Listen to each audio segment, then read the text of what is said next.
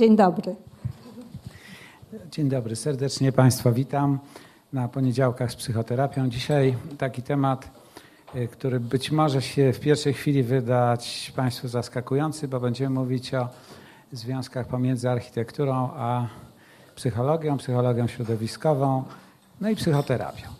A gościem dzisiejszego wieczoru jest dr Katarzyna Zaborska, która jednocześnie jest architektem i psycholożką i psychoterapeutką. I właśnie o tych związkach dzisiaj porozmawiamy, jaki to ma sens, jakie to ma znaczenie. Y, jakbyś Kasiu mogła powiedzieć, bo najpierw skończyłaś architekturę, prawda? Tak. I dyplom robiłaś tak bardziej z architektury, czy to już było w stronę psychologii jeden krok? No właśnie, jak robiłam dyplom, to już taki miałam pomysł, że e, najbardziej interesujący są ludzie, jak wiadomo. Dla architekta. Dla architekta i dla psychologa. Ja już wtedy studiowałam psychologię. Jak robiłam dyplom na architekturze, to już zaczęłam studiować psychologię.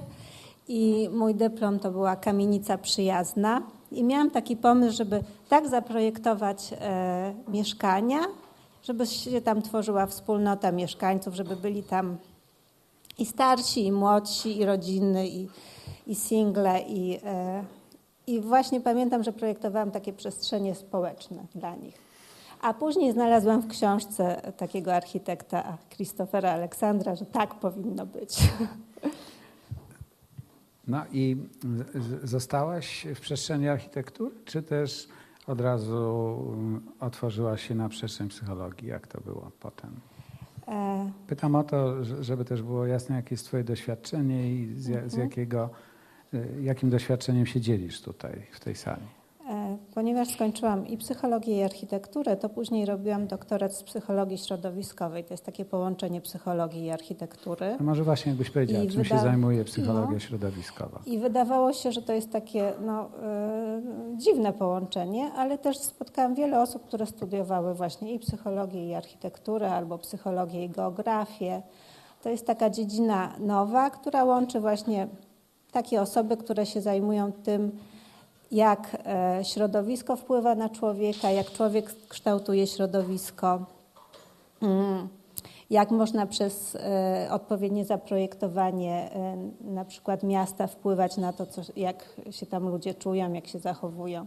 To jest Czyli, takie trochę oczywiste, ale... Czyli założenie jest, że można wpływać, tak. a teraz jest pytanie, jak można wpływać, tak? Tak, tak na przykład tacy prekursorzy psychologii środowiskowej to jest e, taki Robert Sommer i on robił badania, znaczy badania, zrobił taki eksperyment e, w szpitalu, e, nie psychiatrycznym, w szpitalu po prostu. I, I było tak, że był taki nowy oddział, wszystko wydawało się, że będzie tam bardzo fajnie, a jednak nie było, było depresyjnie. Mhm.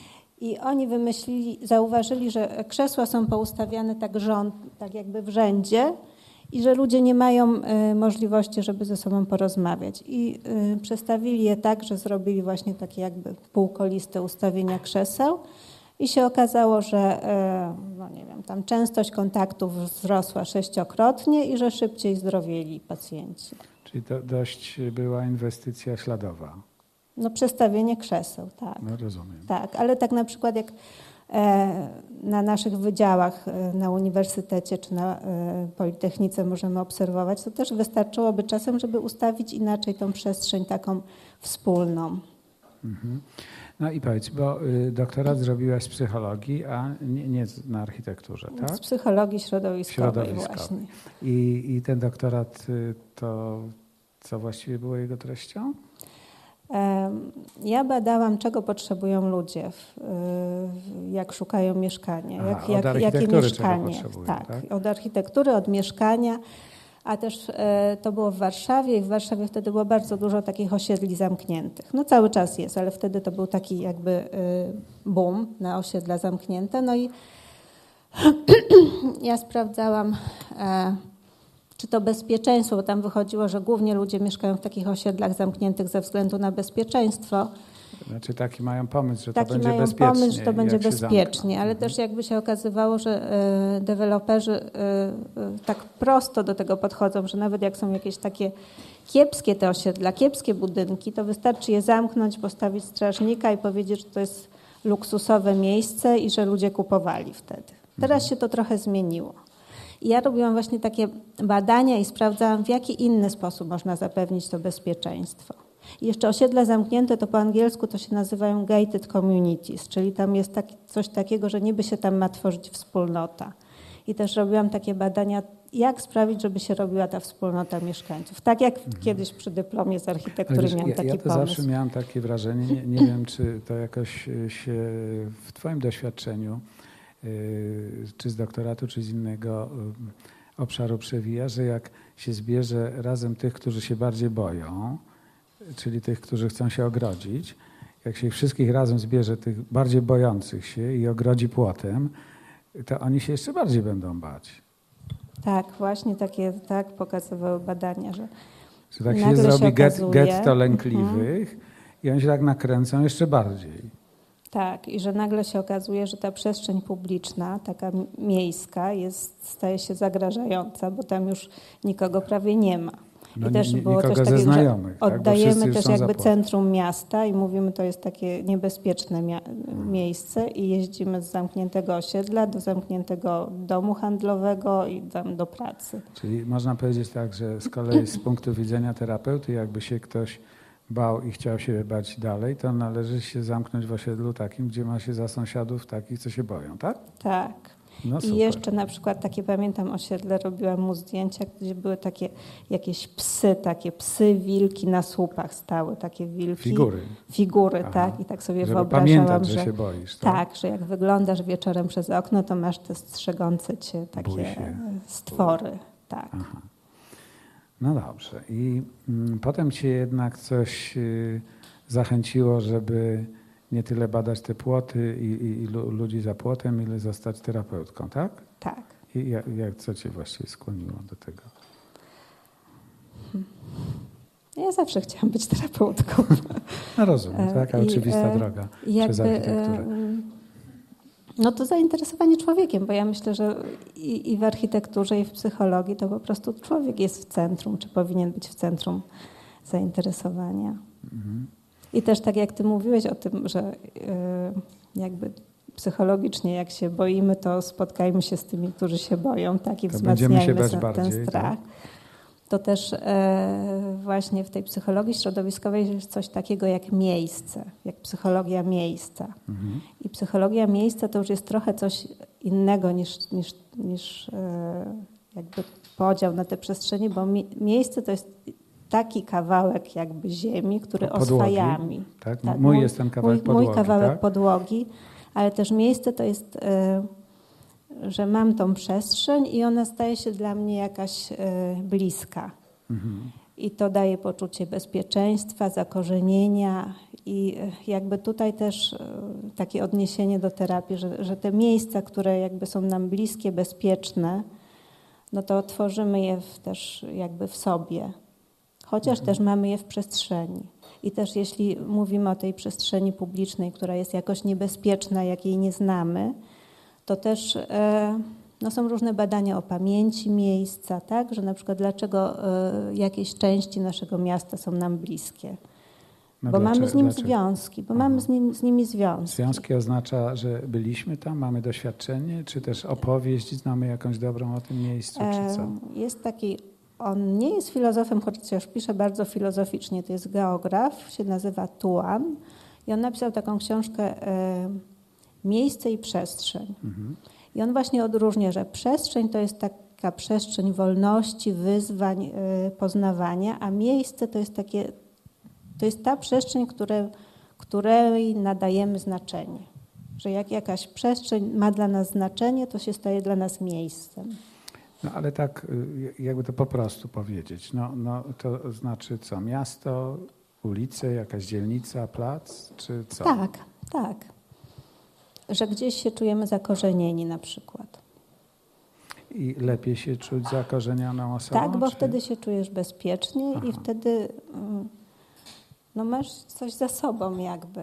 Na przykład jak Za e, sobą w sensie pleców, oparcia, pleców, tak? oparcia, tak. Tak jak na przykład w terapii robimy genogramy, czy takie drzewa genealogiczne, tak? Sięgamy po swoich przodków. Czyli żeby mieć za sobą oparcie w przodkach, tak? w przodkach.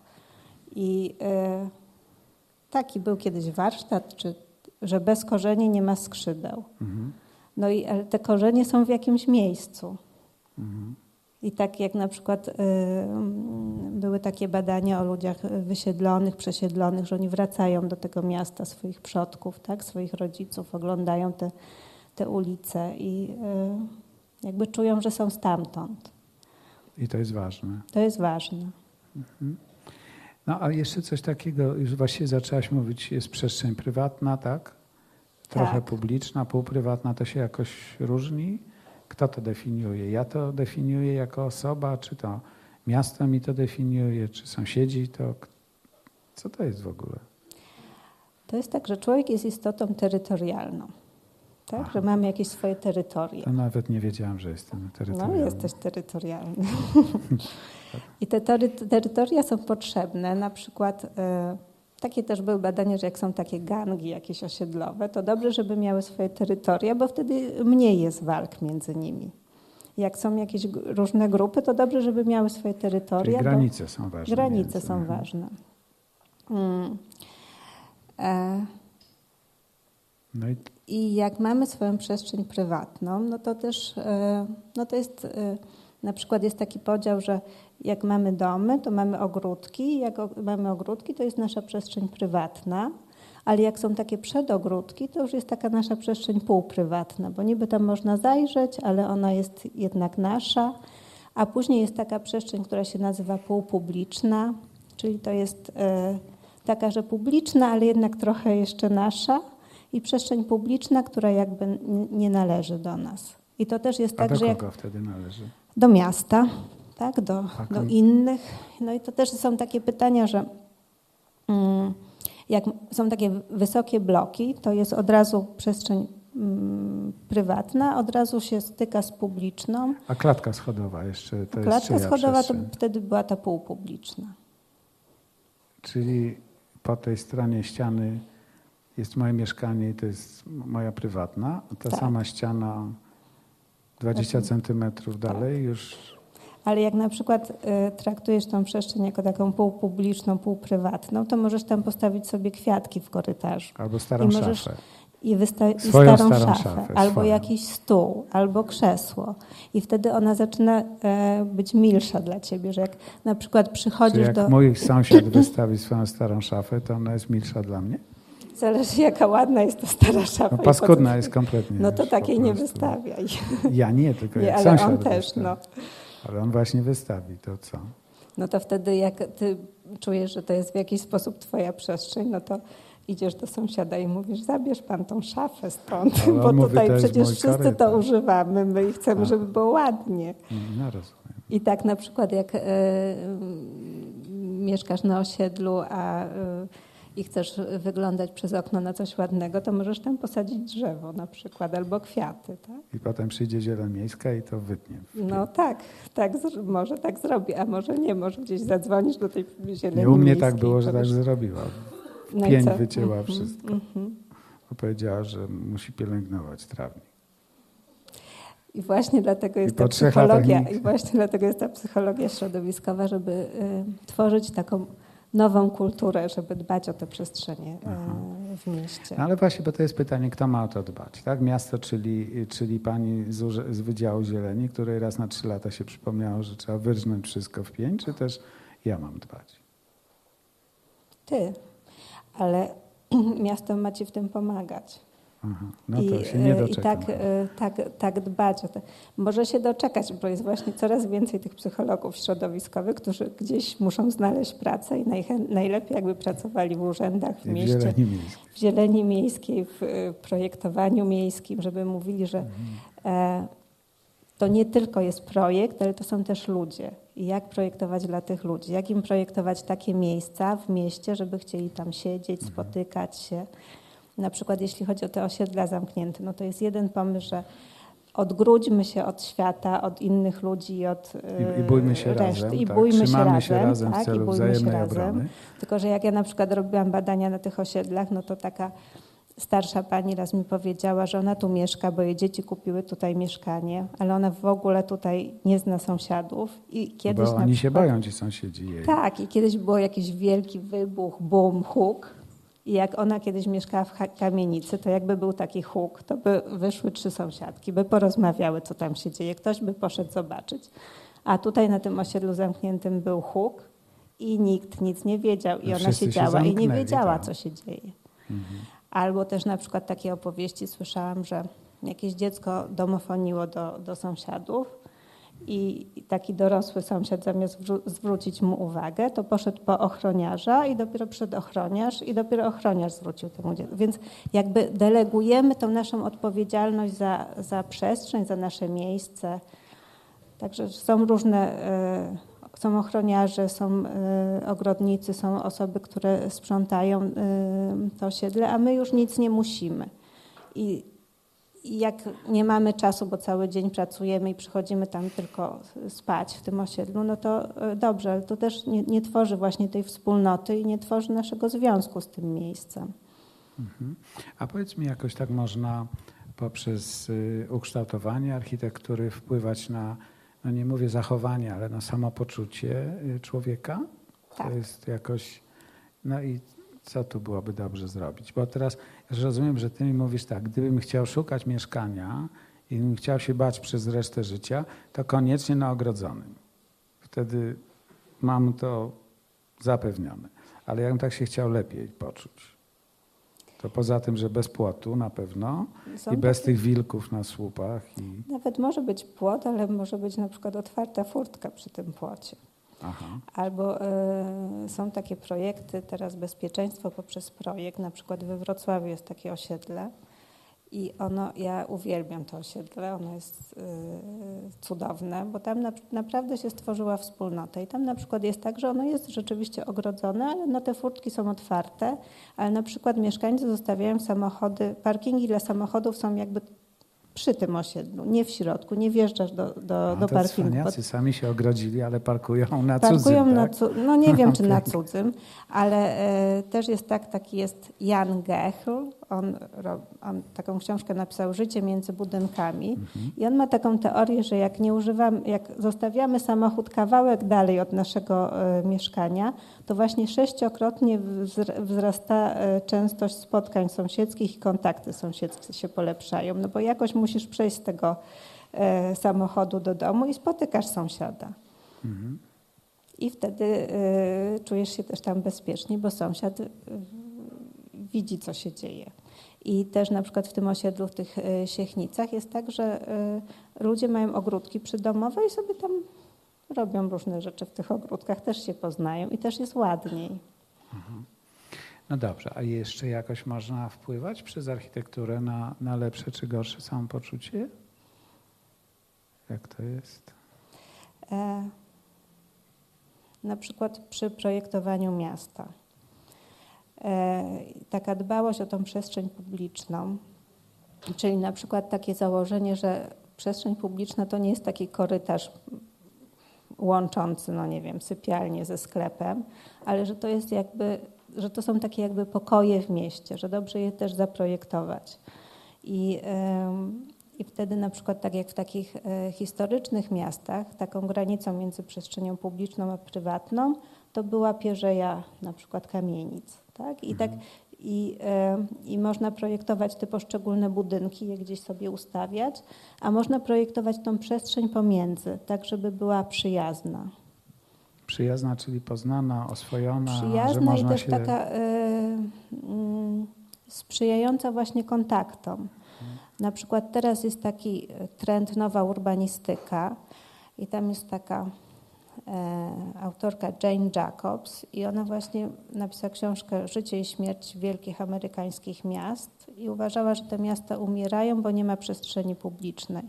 I ona chciała, żeby wrócić do tego, że są kawiarenki na rogu, że są sklepiki na rogu, że ludzie. e, Ona miała właśnie taki pomysł, że e, bezpieczeństwo dają ludzie, że nie jest tak, że I w ten odgradzasz się od sposób ludzi. Starbucks wykupił każdy narożnik.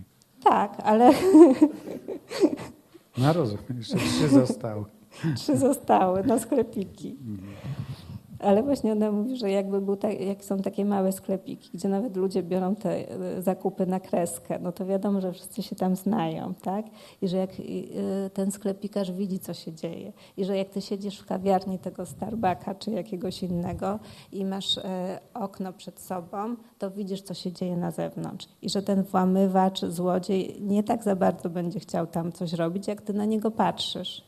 Że właśnie odgradzanie się od tej przestrzeni publicznej stwarza e, to, że ona jest zagrożeniem i że ona jest niebezpieczna. Ale jak tam jest pełno ludzi, którzy się nawzajem obserwują, no to, e, to jest bezpieczniej.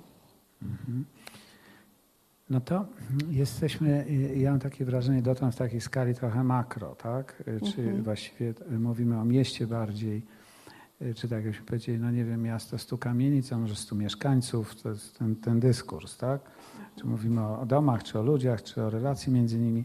No jak już byśmy tak weszli trochę w skalę mikro, czy w, skalę rodziny, to mm, jest tu jakaś y, wspólna część architekta i psychoterapeuty. No właśnie, jak, jak ty jako psychoterapeutka korzystasz z tej wiedzy? Bo, y, no bo jednak przychodzą do ciebie konkretne osoby, jesteś terapeutką, jesteś nauczycielem psychoterapii, przychodzą do ciebie konkretna osoba albo konkretnej rodziny. To cała wiedza o, o, o przestrzeni ci jakoś przydaje w pracy takiej codziennej?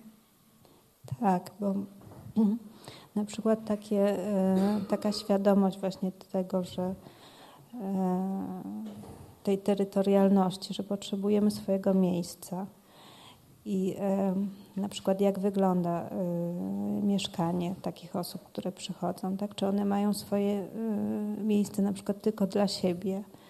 Czy ka każda z osób ma miejsce? Każda z osób ma jakiś kawałek miejsca swojego jak wyglądają tam granice między tymi, że są na przykład rodziny, gdzie drzwi są zawsze otwarte do, do, do pokojów, a są takie rodziny, gdzie są zamknięte drzwi, są takie rodziny, gdzie Ale jest większa przestrzeń otwarte, wspólna. To zależy od, od tej rodziny, to jest Aha. bardziej takie diagnostyczne, tak? Chociaż na przykład moja koleżanka mówiła, że jeździła projektować swój dom i, I, ci architekci byli tacy fajni, że oni przyjeżdżali całą rodziną rozmawiać z tymi architektami o tym, jak zaprojektować dom właśnie dla nich. I ona mówiła, że to była najlepsza terapia rodzinna, na jakiej była.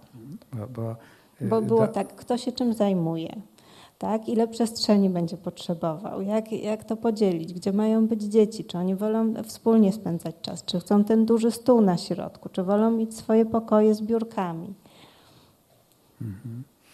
Bo ja mam czasem tak. takie wrażenie, że mm, y, jakoś tak jasno brzmi, że dziecko powinno mieć swój kąt, tak? Jeżeli już nie swój pokój, no to swój kąt do odrabiania lekcji, swój, swoje takie stałe miejsce.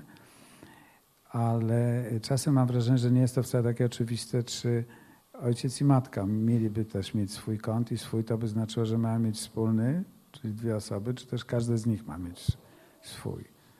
Najlepiej by było, jakby każdy z nich miał swój, oprócz tego, żeby mieli wspólny. Tak mi się kojarzy, jest taka y, napier, to jest terapeuta rodzinny, napisał, w mhm. której ze swoich książek pisał o, y, o swoim doświadczeniu, jak był młodym małżonkiem ze swoją żoną i było tak, że każdy miało swój stolik i każdy na tym stoliku miało swoje papiery rozłożone, ale było tak, że jak przychodził obiad, to żona musiała sprzątać swój stolik, swoje papiery, żeby gdzieś mogli zjeść obiad. No i on później po latach uznał, że może to było nie do końca sprawiedliwe, że może, może trzeba było mieć, mieć trzeci stolik. Ale no jakby jak, jak mm, patrzysz, jak ludzie kształtują te relacje przestrzenne, no to też możesz się dowiedzieć dużo o nich, o tym, kto, kto ma władzę w tej rodzinie, tak? To, no bo im więcej masz przestrzeni, tym masz więcej masz władzy. władzy. Tak? Czyli jeżeli no. dzieci mają bardzo dużo przestrzeni, a rodzice mało, to to jest diagnostyczne. To też jest w jakiś sposób diagnostyczne. Hmm. I to też jest mieszkanie jest z, dla dzieci, dla ich władzy trochę, tak? A też y, różne zmiany w, w tym, jak mieszkasz, są bardzo terapeutyczne, bo na przykład możesz o czymś porozmawiać na terapii, a później możesz mieć taki pomysł albo terapeuta ci może poradzić, żeby coś zmienić w twoim mieszkaniu. I jak to zmieniasz, to jakby ta terapia działa, mm, jest ciąg dalszy terapii w trakcie te, Jakby zmieniasz coś i widzisz to codziennie. A możesz tak, podać jakiś zmianę. przykład, żebym jakoś tak to bardziej usłyszał? Na przykład to, że y, organizujesz sobie właśnie y, taki kawałek dla siebie. Że y, jest matka, która ma dwójkę dzieci i wszystko oddaje dzieciom i rodzinie. I nie ma już siły, nie ma już czasu, nie ma już, no nie wiem, emocjonalnie już nie wyrabia. I przychodzi do, do domu i organizuje sobie kawałek swój kawałek y, swojego miejsca w swoim domu, gdzie, gdzie są tylko jej rzeczy, nikt jej, jej tych rzeczy nie ruszy i że to jest jej. Mhm. I po prostu wzmacniasz taki pomysł, Tak, tak? tak. Mhm, Że to jest w porządku. I też na przykład taka świadomość tych właśnie przestrzeni prywatnych, to też y, jest tak, że na przykład w różnych kulturach e, różnie do tej prywatności podchodzimy. Na przykład jest tak, że jak w, w, są, czasem są takie mieszkania, że wchodzisz, jest taki kawałek dla wszystkich, dalej jest kawałek, gdzie tylko niektórzy mogą wejść, na przykład do kuchni, a jeszcze dalej jest sypialnia, gdzie tylko, o, tylko ty możesz wejść, tak? Tylko najbliżsi. Tylko ci, którzy tam śpią. Tak. I na przykład ja często tego używam jako metafory y, w, y, w trakcie terapii, że gdzie, jest, gdzie są te twoje y, jakby granice, I Gdzie, twojej je- Gdzie je prywatności. sam stawiasz, tak? Tak, tak, bo to stawiasz je przestrzennie, no też, ale też jak o tym rozmawiasz, to stawiasz je też w, w inny sposób. Że, że każdy człowiek potrzebuje swojej przestrzeni i to można pomyśleć o tym, że, że to jest e, jakby fizyczna przestrzeń, ale można też o tym pomyśleć, że to jest taka psychiczna przestrzeń. Ym, jeszcze cię o jedno spytam, jak to jest z twojej perspektywy, bo przychodzą mi do głowy tacy moi znajomi, właściwie dwójka, która wybudowała, każda z nich, każda z tych rodzin wybudowała dom w pewnym momencie i mm, w każdym z tych domów widać inaczej, jak się te dwie energie y, mężczyzny i kobiety ze sobą dogadały. Tak? Czyli no, na przykład w jednym domu, ja bym powiedział, tu panuje apartheid, czyli to widać, że jest przestrzeń kobieca i tam w tym miejscu z mężczyzną nie ma nic do gadania, a kawałek dalej jest przestrzeń męska i tam kobieta nie ma nic do gadania. I właśnie cały dom jest taki, trochę jak taka szachownica czarno-biała, że są pola czarne i białe, czyli są pola należące do tej pani, zdefiniowane przez nią, no nie można mieć wątpliwości, no i męskie przestrzenie. Z kolei w innym domu, y, w każdym miejscu, w każdym jest i kawałek męski, i kawałek kobiecy. Jak tylko jest taka przestrzeń za bardzo męska, no to zaraz się pojawia jakaś ozdoba i dekoracja, co do której nie ma wątpliwości, że to jest no, jakiś ślad, że jest tam też ta kobieta. I mm, chcę zapytać, czy to, bo to się mówi tak, że w tych amerykańskich badaniach, że co druga para, która zaczyna budować dom, to się rozwiedzie. Y, Czy to no taka jest korelacja? Nie, nie, nie wiem, czy jest jakaś polska, jeżeli jest to, to, to powiedz, ale y, właśnie tak chciałem Cię poprosić o komentarz do tego. Jak, jak Ty to widzisz jakoś? Budowanie domu y, też jako nie tylko przestrzeń architektoniczna, ale właśnie przestrzeń y, psychologiczna, która się trochę albo zmaterializuje w tym domu, albo, albo potoczy się jakoś inaczej. Tak jak mówisz o tym, że te pary się tak roz, rozwiodą, to tak sobie pomyślałam, Nie, że co druga, no taka co statystyka druga, tak, jest. że, no, co że druga może powinny właśnie trafić do takich architektów plus psychologów, którzy im zamiast zrobią tą terapię rodzinną w trakcie projektowania domu. Mhm. Też ja- jakby jak mówisz o tych y, parach, no to dla mnie to jest właśnie e, takie fascynujące, jak, jak to, co mamy w środku, się objawia w przestrzeni.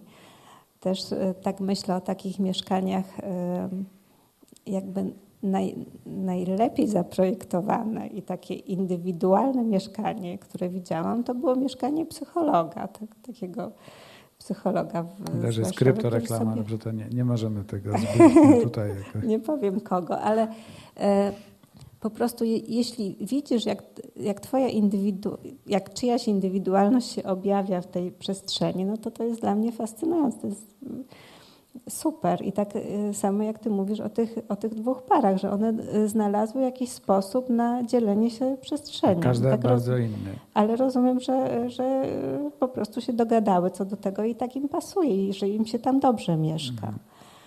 I, I, właśnie y, dlatego ja jestem przeciwnikiem takich projektów gotowych, no bo y, y, jak już możesz zbudować dom, to zatrudnij architekta, który go zrobi tak dla ciebie, żebyś się nie musiał rozwodzić w trakcie budow- po zbudowaniu Czy, czy dla was, jako dla Dla was, dla, dla, dla was, pary, tak, tak.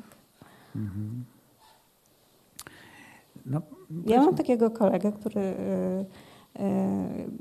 namówił y, takich państwa do zmiany takiego projektu gotowego i oni są tak szczęśliwi z tego domu, że wysyłają mu pocztówki na Boże Narodzenie, na imieniny, dziękując mu, że taki fajny dom im zaprojektował, gdzie im się tak dobrze mieszka.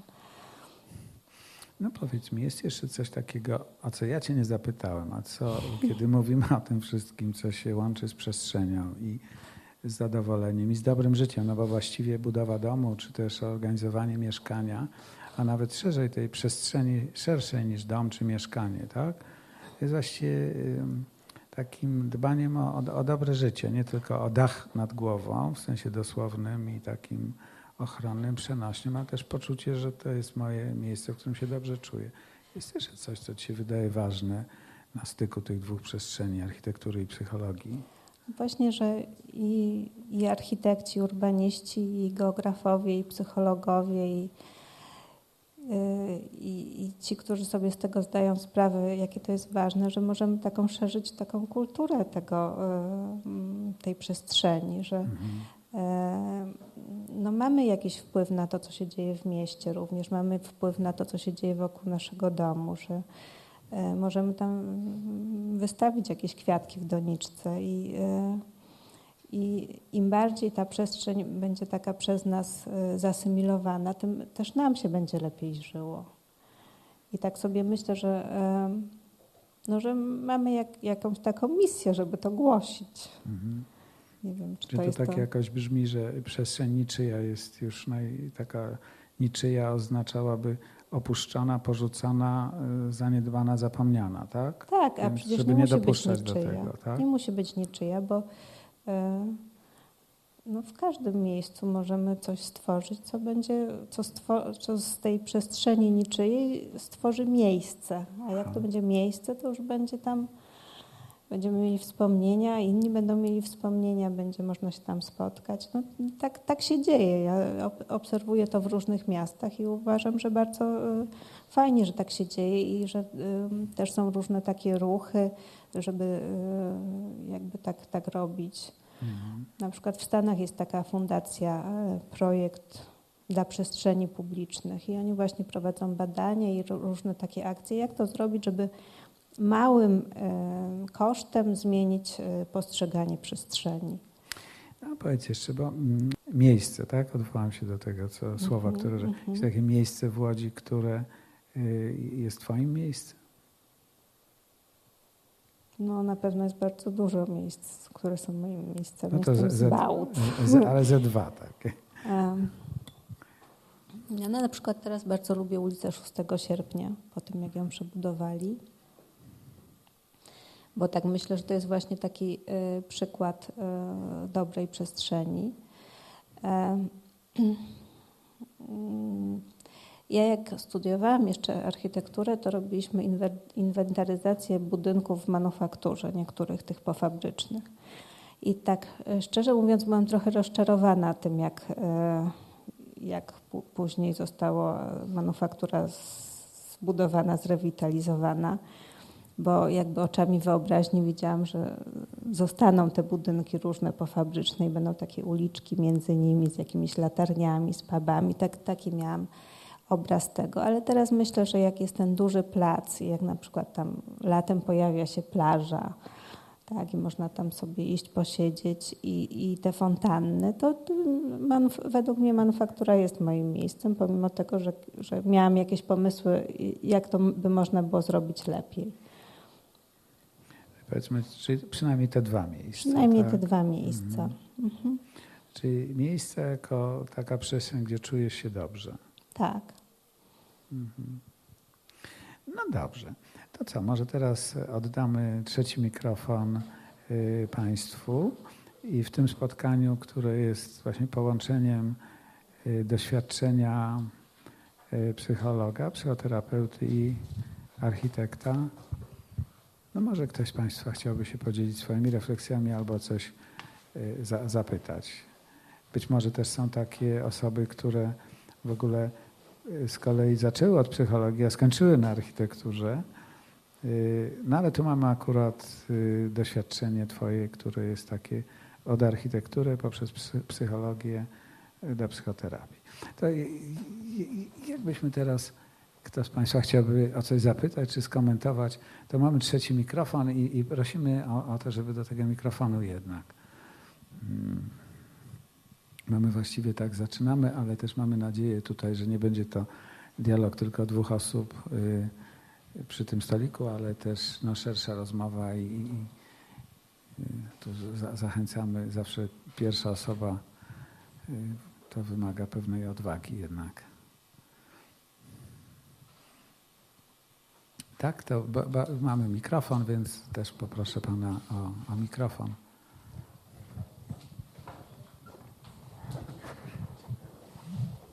Halo, halo, dzień dobry. Mam takie pytanie, ponieważ mówiła Pani o, w zasadzie Pan mówił o tym, że mieszkała Pani w różnych miejscach, była Pani w różnych krajach. Rozumiem, że zainteresowanie pchało Panią do tego, żeby poznawać w tych krajach również, jak to się robi. Zakładam, że w Łodzi jesteśmy na początkowym jakimś stage'u tego, co można zrobić. Natomiast proszę powiedzieć, jak to wygląda w innych krajach? Czy zna Pani jakieś takie przykłady, żeby nam powiedzieć, jak fajnie, a wraz ze wzrostem świadomości może się to rozwinąć? Dziękuję.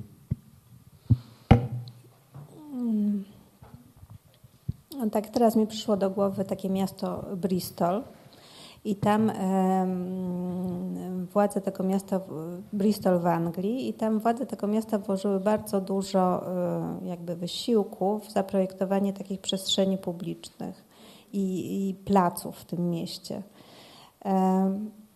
I, e, no i myślę, że to byłyby dobre wzorce, że w ogóle byłoby dobrze, jakby e, w Łodzi był jakiś taki ruch, jak, jak przy, przynosić tutaj te doświadczenia z innych miast y, do nas. I wiem, że w Łodzi jest, y, jest y, no Łódź jest takim miastem, o, który, o którym większość ludzi wie, że to, tu jest rewitalizacja, że mamy te tereny pofabryczne, że dobrze by było to dobrze zorganizować, zaprojektować.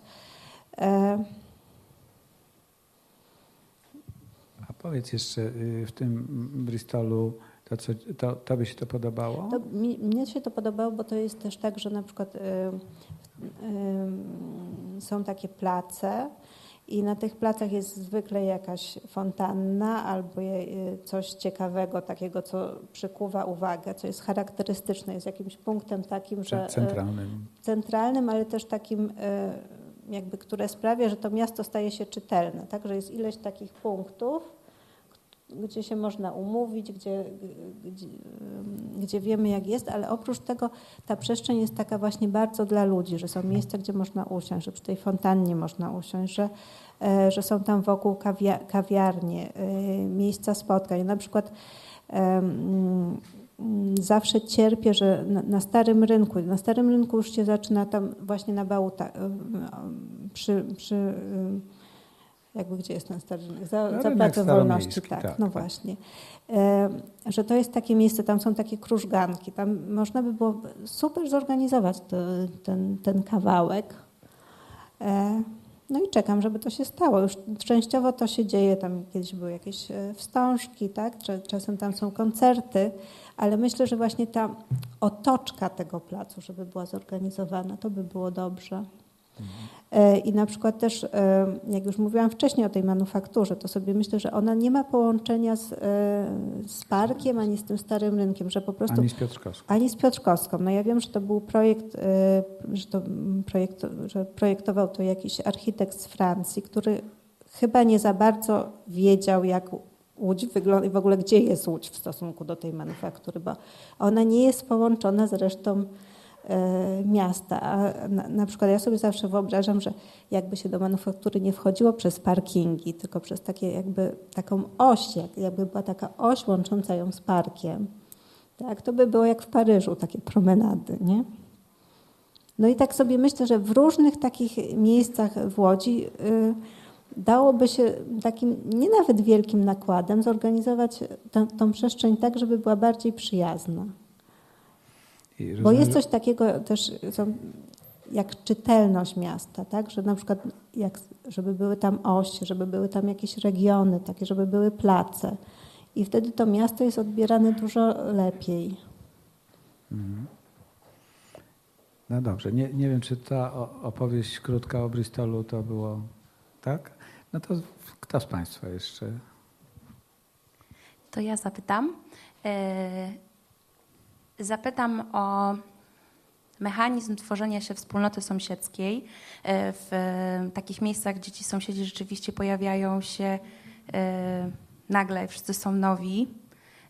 I czy są jakieś czynniki, które sprzyjają budowaniu tej więzi społecznej, sąsiedzkiej wspólnoty? Nie wiem, wiek, wspólne zainteresowania, jakieś odgórne inicjatywy, które gdzieś są inicjowane wśród tych ludzi. Mm, Co zrobić, żeby taką wspólnotę sąsiedzką zawiązać skutecznie?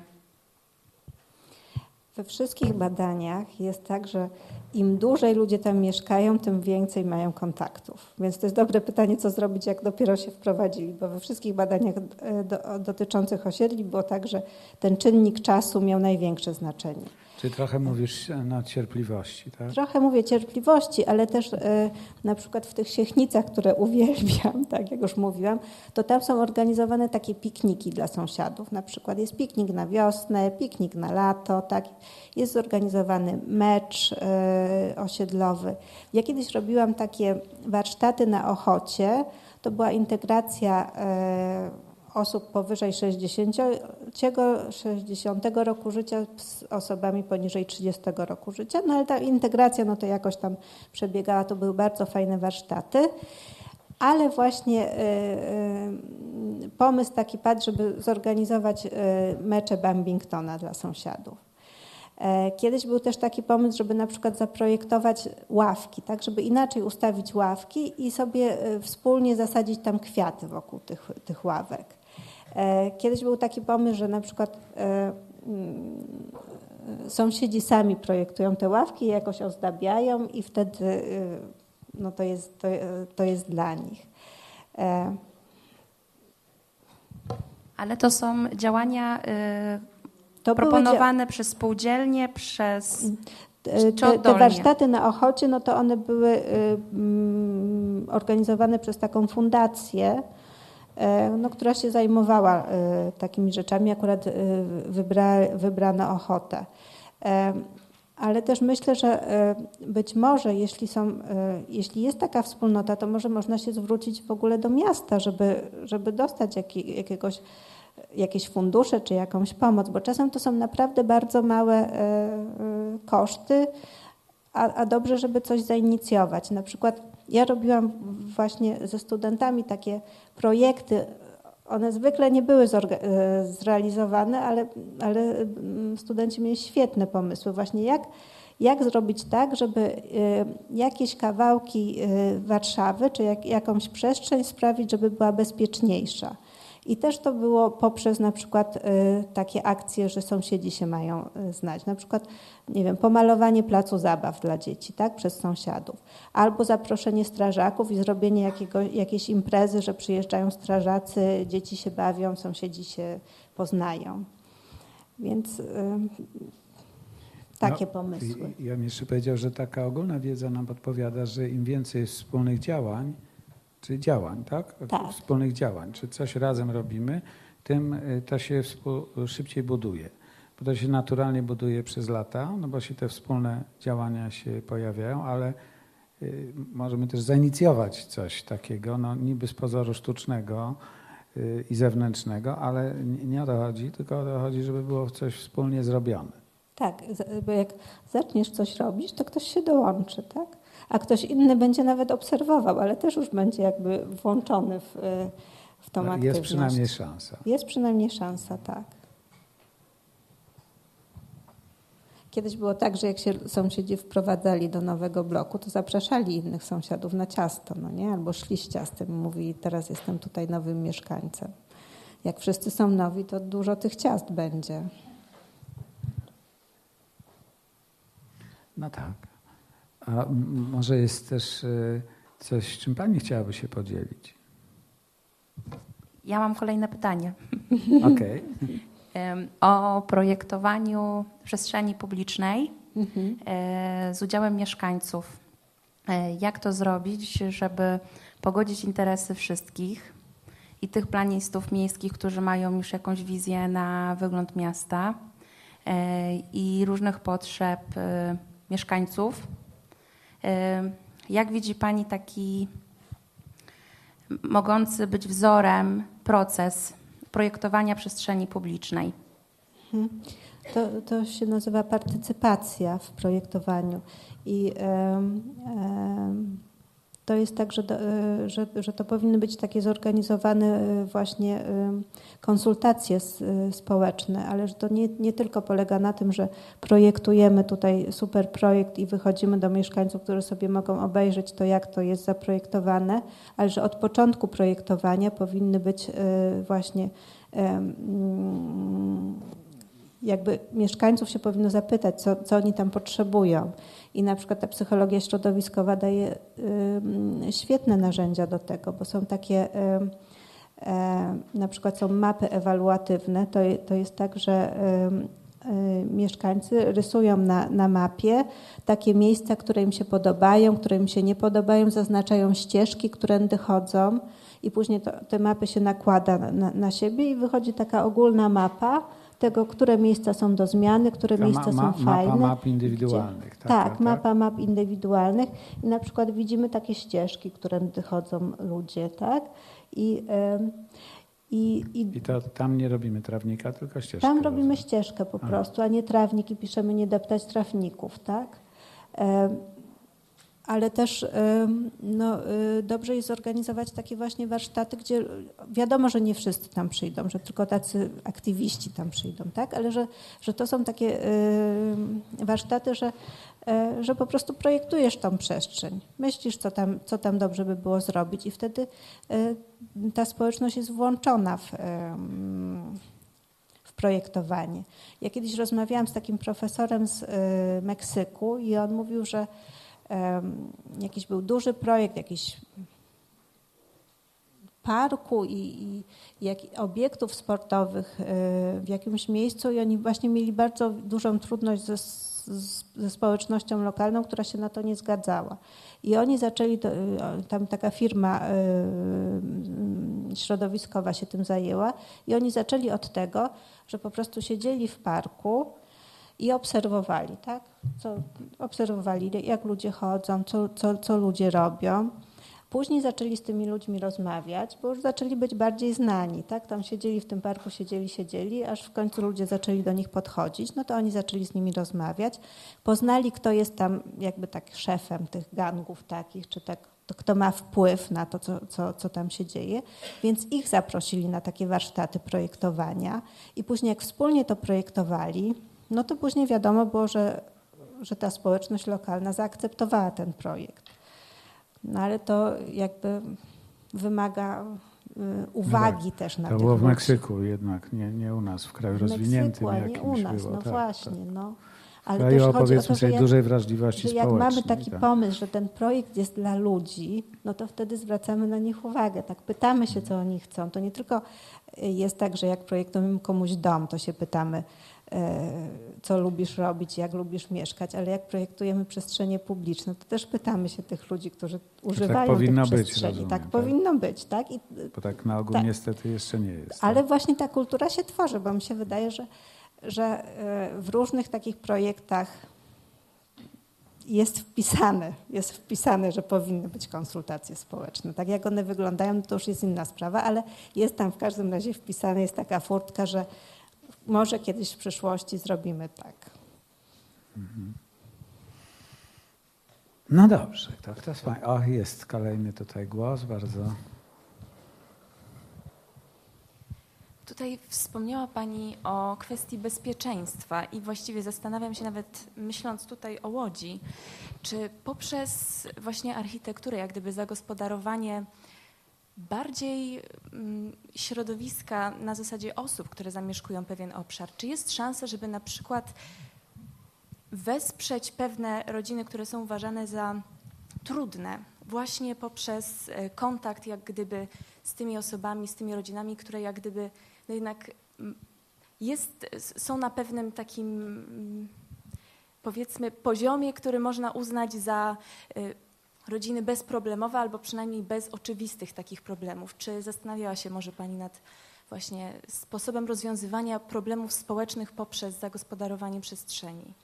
Ja tak jak obserwuję, że na przykład są takie e, e, dzielnice, które są uważane za trochę gorsze, tak? A czasem i pojawiają się tam na przykład plomby takie nowoczesne, tak? Jak, e, i, I tak e, myślę, że to jest też właśnie e, jakaś rewitalizacja taka społeczna, że zaczynają tam mieszkać e, inne rodziny, inni ludzie i oni też wpływają na to, jak, co tam się dzieje w tej przestrzeni. Mm, Ale też ja rozumiem, że Pani mówi o takim pomyśle, który, no, może się mylę, proszę mnie poprawić, że mia- miasto to nie jest tylko y, tkanka obiektów, ulic, y, budynków, ale też tkanka ludzka. Tak? Że, że tu mówimy cały czas o takim połączeniu, e, co, co to jest miasto, czy to są i, i budynki, przestrzenie, place, ale też są to ludzie. I teraz jak na przestrzeni bezpieczeństwa pomiędzy tymi rodzinami, które są trudniejsze, utkać z tymi rodzinami, które są no przynajmniej na powierzchni bezproblemowej, jakiś rodzaj połączenia, tak? Wydawało mi się właśnie, że kiedyś spotkałam się, że nawet jest jakaś teoria właśnie przetasowywania rodzin, która ma w pewien sposób wpłynąć też na poprawę warunków życia i sytuacji osób, które są w gorszej sytuacji. Ale to jest coś tak niejasnego, że nawet nie jestem w stanie tego teraz przytoczyć. Zastanawiałam się po prostu, co pani by powiedziała Mhm. odnośnie tego. Ja na, mm, też obserwowałam, jak to się y, dzieje w Warszawie na Pradze.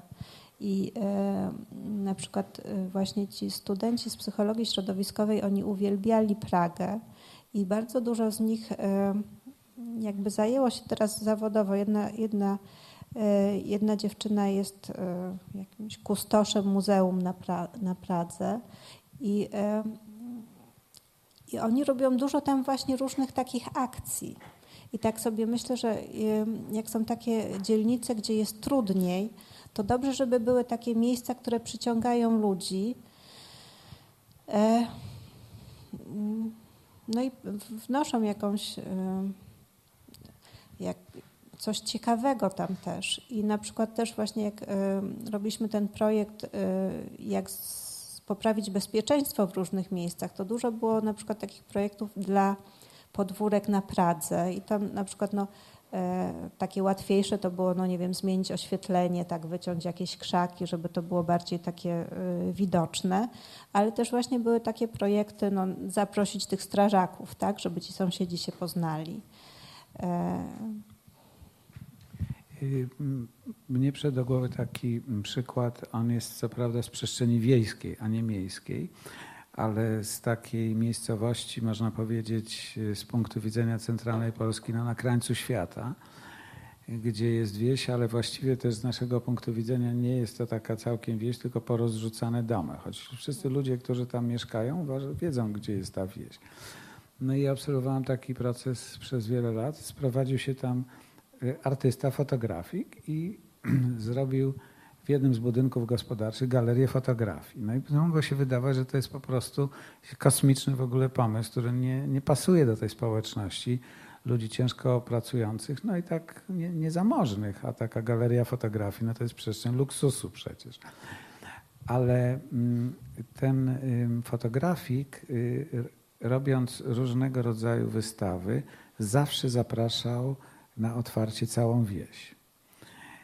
I pewnego razu, może to było 3-4 lata, jak już ta galeria y, działała, ja poszedłem do jednego z sąsiadów, y, na chwilę miałem do niego sprawę, a on mówi do mnie, wie pan co, nie za bardzo mam czas, bo mamy dzisiaj wernisaż.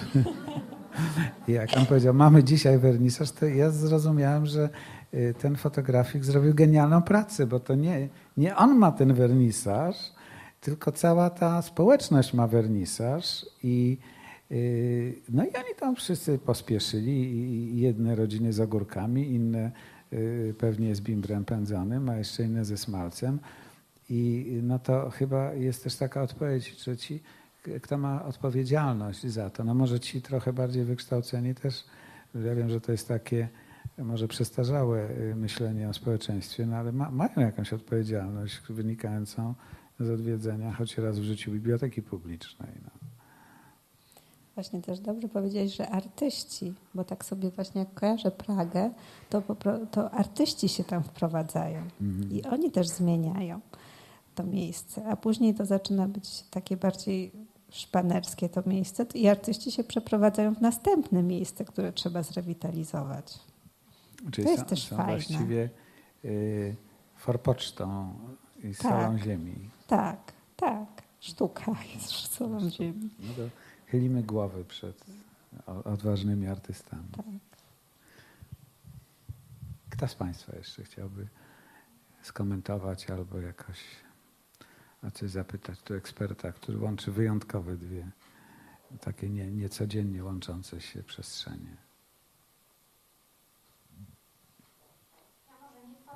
To do, do, mikrofonu, bardzo też poproszę do mikrofonu, bo nagrywamy to i będziecie później mogli Państwo obejrzeć tą swoją Dobrze, dyskusję. to do mikrofonu. Chciałam bardziej niż zapytać, to dopowiedzieć do tego, o co Pani pytała, jak budować taką wspólnotę sąsiedzką i czy są jakieś sprawdzone metody, to być może zapewne dla większości Państwa tutaj obecnych to będzie oczywiste, ale dla tych, dla których nie, to dopowiem, że e, jest taka metoda, to się nazywa warsztaty Szaret i one są właśnie prowadzone w duchu nowego urbanizmu, czy też nowej urbanistyki. I pracownia Macieja Mycielskiego z Warszawy prowadzi z sukcesem takie, takie procesy właśnie partycypacyjne. I tak z moich obserwacji, jako osoby, która się zajmuje jakoś takim aktywizmem miejskim i działaniami na rzecz przestrzeni, budowania wspólnoty sąsiedzkiej, to jest e, szczytowe osiągnięcie partycypacji w takich procesach właśnie tworzenia e, miast.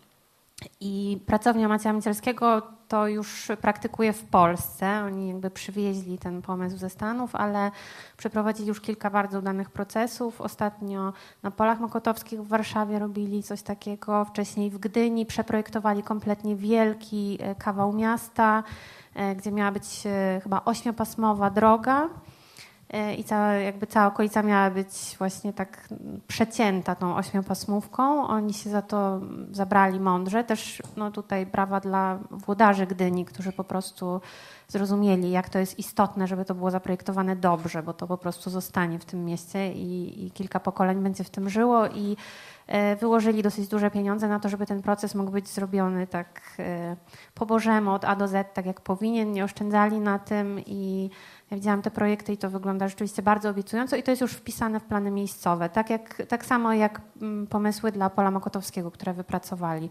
Mieli dużo mniej czasu, bo to około pół roku, a optymalnie to powinien być rok na to, żeby pracownia się mogła bardzo dobrze przygotować do tego procesu. E, jakby zebrać wszystkie konieczne informacje o miejscu, o ludziach i dopiero sama końcóweczka, ostatnie trzy miesiące, powiedzmy, to jest już taka praca z ludźmi właśnie na warsztatach, więc tak z, jako osoby, która jakoś tam jest zainteresowana tym, to wydaje mi się, że właśnie w tej chwili warsztaty szaret to jest najlepsze, co można zrobić w partycypacji. W Łodzi to próbowano robić w ramach konsultacji rewitalizacyjnych, ale zrobiono to po łebkach skrótowo i to było kompletnie jakby ten proces został wypaczony.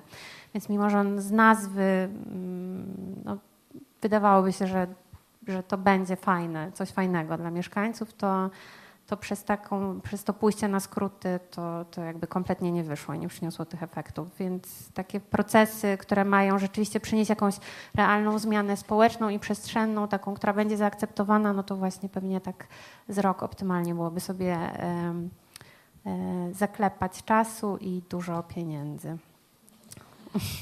Właśnie to jest to, o czym mówiłam, żeby tworzyć taką kulturę, żeby to było oczywiste, że tak jest, tak? Że, że po prostu, że to nie jest tak, że jest, jest jedna pracownia w Polsce, która to robi, tylko że to jest oczywiste, że przy, w momencie projektowania miasta są takie konsultacje, są takie warsztaty i że to jest po prostu no, Natomiast w tej chwili u nas to się odbywa właśnie. tak, że przychodzą architekci z gotowymi projektami, i odbywają się tak zwane konsultacje. Tak, no pokaz tego projektu. Tak, pokaz no. tego projektu. Ewentualnie możecie Państwo wybrać, czy ścieżka będzie 10 metrów w prawo czy w lewo. To jest też pozór partycypacji i to też bardzo jakby dewaluuje określenie partycypacja.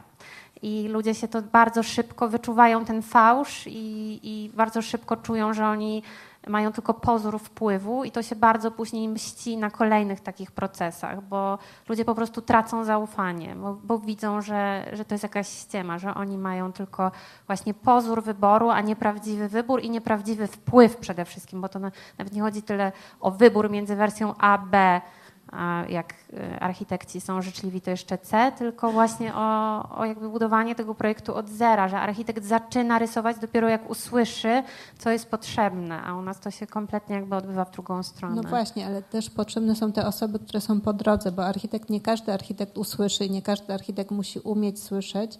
I tutaj są właśnie ci psycholodzy środowiskowi, czy, czy, czy inne osoby, które y, y, się tym zajmują, żeby one y, były pomiędzy ludźmi, ca, całą społecznością, a osobami projektującymi. I jeszcze, gdybym mogła tylko jedno słowo dopowiedzieć, bo pani tutaj pyta, jak pogodzić też różne jakby interesy różnych grup, które chcą brać udział w takich procesach partycypacyjnych, to też wiem, że w takich udanych procesach zatrudniano po prostu mediatora i to jest to jest ta osoba, która się powinna pojawić, mediator. I nawet są w tej chwili w Polsce już takie możliwości przeszkolenia się na bycie mediatorem konkretnie do spraw takich właśnie przestrzennych zagadnień, czy jakichś konfliktów takich na tle, nie wiem, środowiskowym, czy gdzieś wyciąć drzewa, czy, czy zrobić park. To jest już taki bardzo wąski i niszowy kierunek w, jakby w, tym, w tym nurcie zawodowym, jakim są mediacje, ale jest i można się już szkolić i zatrudnienie takiego mediatora, to też wiem od Macieja Mycielskiego, to jest w ogóle świetny pomysł i oni zawsze korzystają na przykład z pomocy takiej osoby e, na warsztatach szaret i to im się świetnie sprawdza. To jest ta osoba, która łączy te różne pomysły. I To ja teraz będę reklamowała psychologię środowiskową w Warszawie, bo tam są zajęcia z takich mediacji. To się nazywa mediacje środowiskowe albo konflikty środowiskowe właśnie. To normalnie na studiach psychologicznych można się tego uczyć. Może nie nauczyć, ale uczyć, tak? No, może do, dobra wiadomość w tym wszystkim jest taka, że y, z tej dyskusji wynika, że w, w Łodzi jest przestrzeń zarówno na tego typu pracownie, a może na kilka, jak i na tego typu aktywność. No bo wie, wiemy też, że nie, niezależnie od tego, jak y, y, nieudane są pierwsze pomysły czy pierwsze realizacje, to zazwyczaj pierwsze pomysły i pierwsze realizacje no, są jakąś próbą, tak? I że y, różnego rodzaju tego typu pomysły społeczne wymagają czasu, żeby się ukorzeniły. Może też dlatego to jest jeden ze stu powodów, dla których o tym rozmawiamy tutaj. Y, No, bo z tego widać, no, jest ta pracownia, o której Pani mówi w Warszawie. Ona realizuje też poza Warszawą projekty, ale być może jest pora, żeby w takim miejscu jak Łódź też y, taka przestrzeń się pojawiła do realizacji, zwłaszcza, że mm, no, to jest taki czas w mieście zupełnie niezwykły, gdzie się projektuje nowe centrum miasta, co naprawdę jak y, zdarzy się w mieście raz na 100 lat, to jest wyjątkowo. Rzadziej się to zazwyczaj dzieje niż raz na 100 lat. No tu właśnie jesteśmy w takim miejscu. No i albo będzie dobrze, albo będzie odwrotnie. Y, Tak? No Łódź aż się prosi właśnie o takie, takie y, inicjatywy. No więc właśnie. To, to Łódź jest w ogóle nie my, już pewnie miastem, nie, tak? nie my jako. Instytut Eriksonowski, ale może ktoś z Państwa jako pracownia albo swoją energię. To bardzo Państwu dziękuję, bardzo Ci Kasiu też dziękuję. Chciałem zaprosić też na y, jesień, bo będziemy poniedziałki z psychoterapią kontynuować. Y, Kolejne jesienne spotkania. Możecie też Państwo y, po pewnym czasie zobaczyć to spotkanie w internecie. Chyba, że jeszcze ktoś z Państwa chciałby coś dopowiedzieć od siebie, podzielić się swoim doświadczeniem, czy o coś zapytać. Jeszcze przez chwilkę. Pan tutaj. Tak, bardzo prosimy o mikrofon.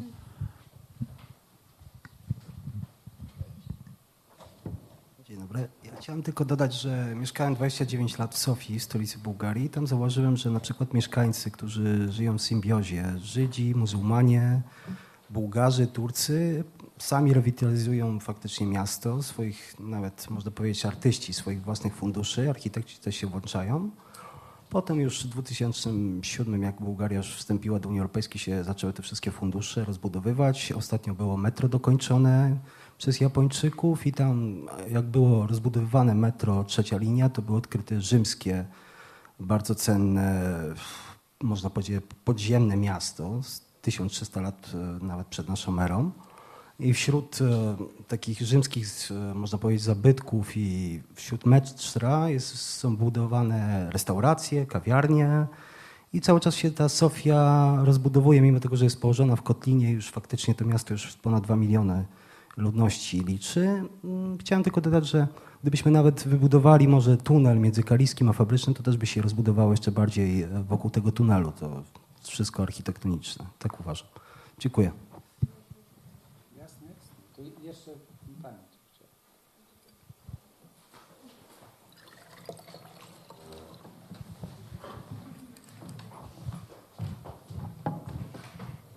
Bo rozmawiamy o konsultacjach społecznych i o tym, żeby pytać ludzi, czego oni chcą, ale z drugiej strony, w jaki sposób architekci powinni wskazać niektórym, że właśnie na przykład mieszkanie na ogrodzonym osiedlu to nie jest najlepszy pomysł.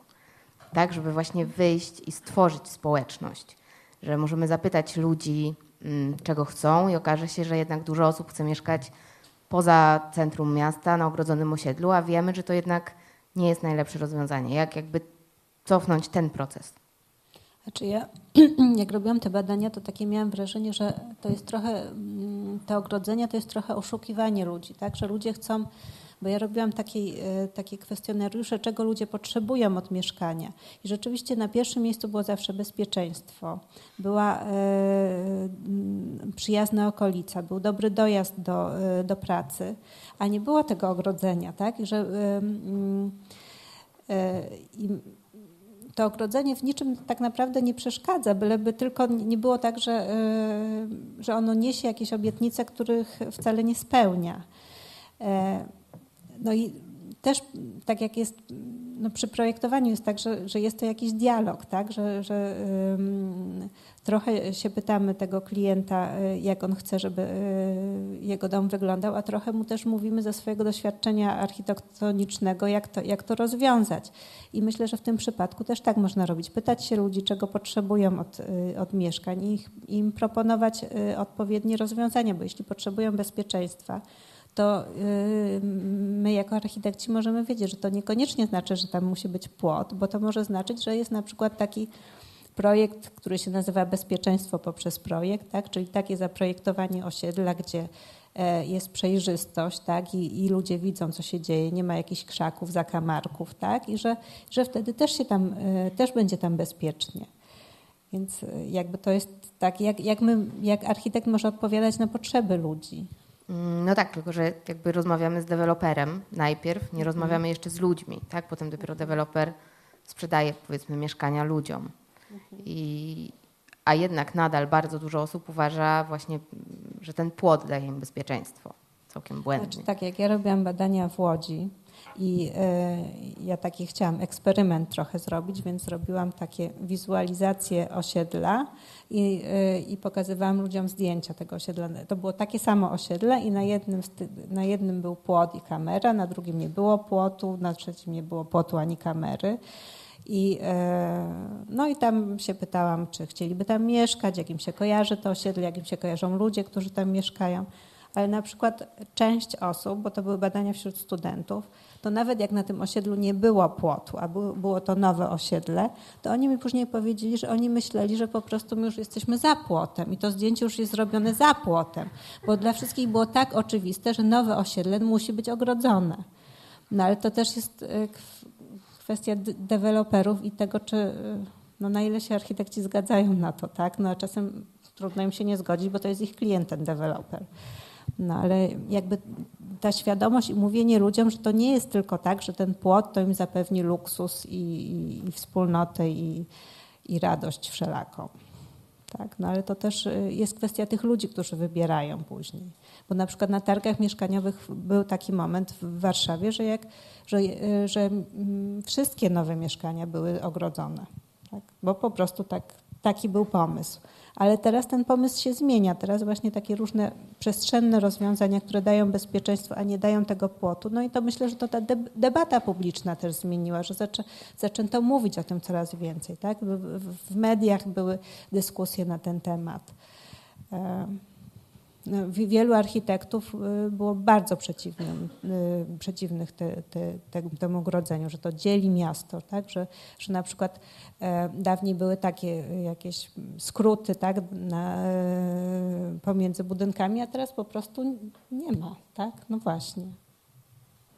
No, są oczywiście też liczne e, przykłady, które się coraz bardziej przedostają do takiej refleksji. No, właśnie takie chociażby, że e, ci ogrodzeni mieszkańcy zaparkowali sobie samochód za płotem, a ci, którzy byli za płotem, powiedzieli, żeby won z tym samochodem stąd, bo to jest ich przestrzeń. Się ogrodziliście, to idźcie na tamtą stronę. Tak, tam były walki, na przykład Tak, no place właśnie. zabaw. Tak? Dlaczego zabaw. dzieci z osiedla zamkniętego idą się bawić na, na zewnątrz, na plac Do- do zabaw otwarty i niszczą zabaw, ten plac tak. zabaw? Albo dlaczego czy Znaczy- dzieci z osiedla otwartego mogą wejść na osiedle zamknięte do innego placu zabaw? Albo na przykład jest Marina Mokotów, była, bo teraz to tam y, nie wiem, ale jak nie wiem, 5-6 lat temu, no to było tak, że cały kompleks jest ogrodzony, ale później ka- każdy poszczególny blok jest ogrodzony i każdy poszczególny blok ma osobny plac zabaw tylko dla siebie. I te dzieci nie wiem, czy muszą zrobić dziurę w płocie, żeby się jakoś spotkać, czy nie, bo po prostu wszędzie są domofony, siatki i wchodzisz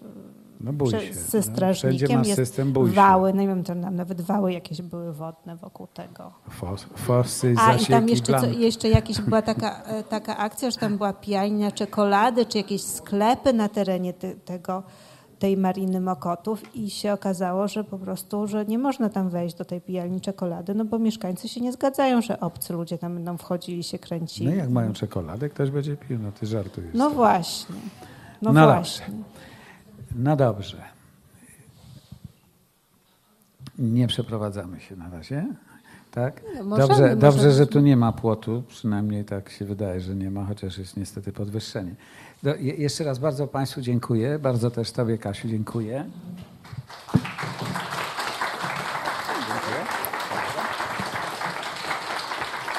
Dziękuję. I zapraszam jesienią Państwa. Dziękuję.